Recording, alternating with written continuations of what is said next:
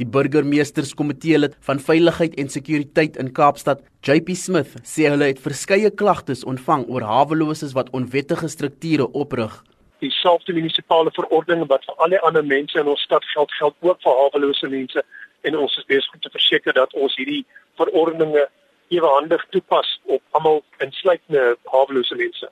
Die uitvoerende hoof van die welsynsorganisasie The Haven Night Shelter, Hassan Khan, sê hy ondersteun in beginsel die Metro Raad se besluit om boetes aan hawelose mense uit te reik wat munisipale regulasies oortree.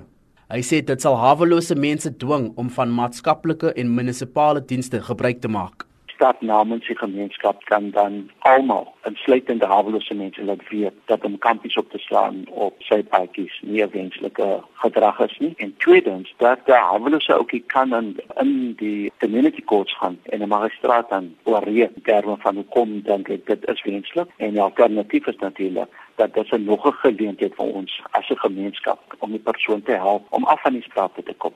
'n hawelose man wat die afgelope 5 jaar op die strate van Kaapstad woon sê hy kan nie bekostig om die boetes te betaal nie. Die 34-jarige Amos Sedumo sê wetstoepassers het sy besittings ook gekonfiskeer.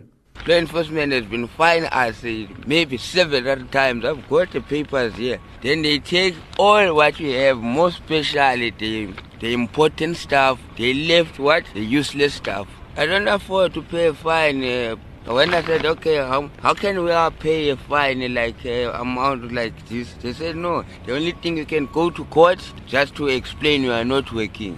Intussen sê die DA in die Wes-Kaap dat hy verskeie programme in samewerking met die Kaapstad Metro Raad het om behoeftige en hawelose mense te help.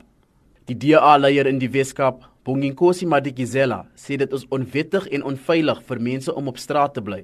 Hy het hawelose mense aangemoedig om van skuilings en ander veilige ruimtes wat deur die metro voorsien word, gebruik te maak. Madikizela sê hulle programme is daarop gemik om mense met hul gesinne te herenig, vaardighede te ontwikkel en hawelose mense weer in die samelewing te herintegreer. Ek is Kobben August in Kaapstad.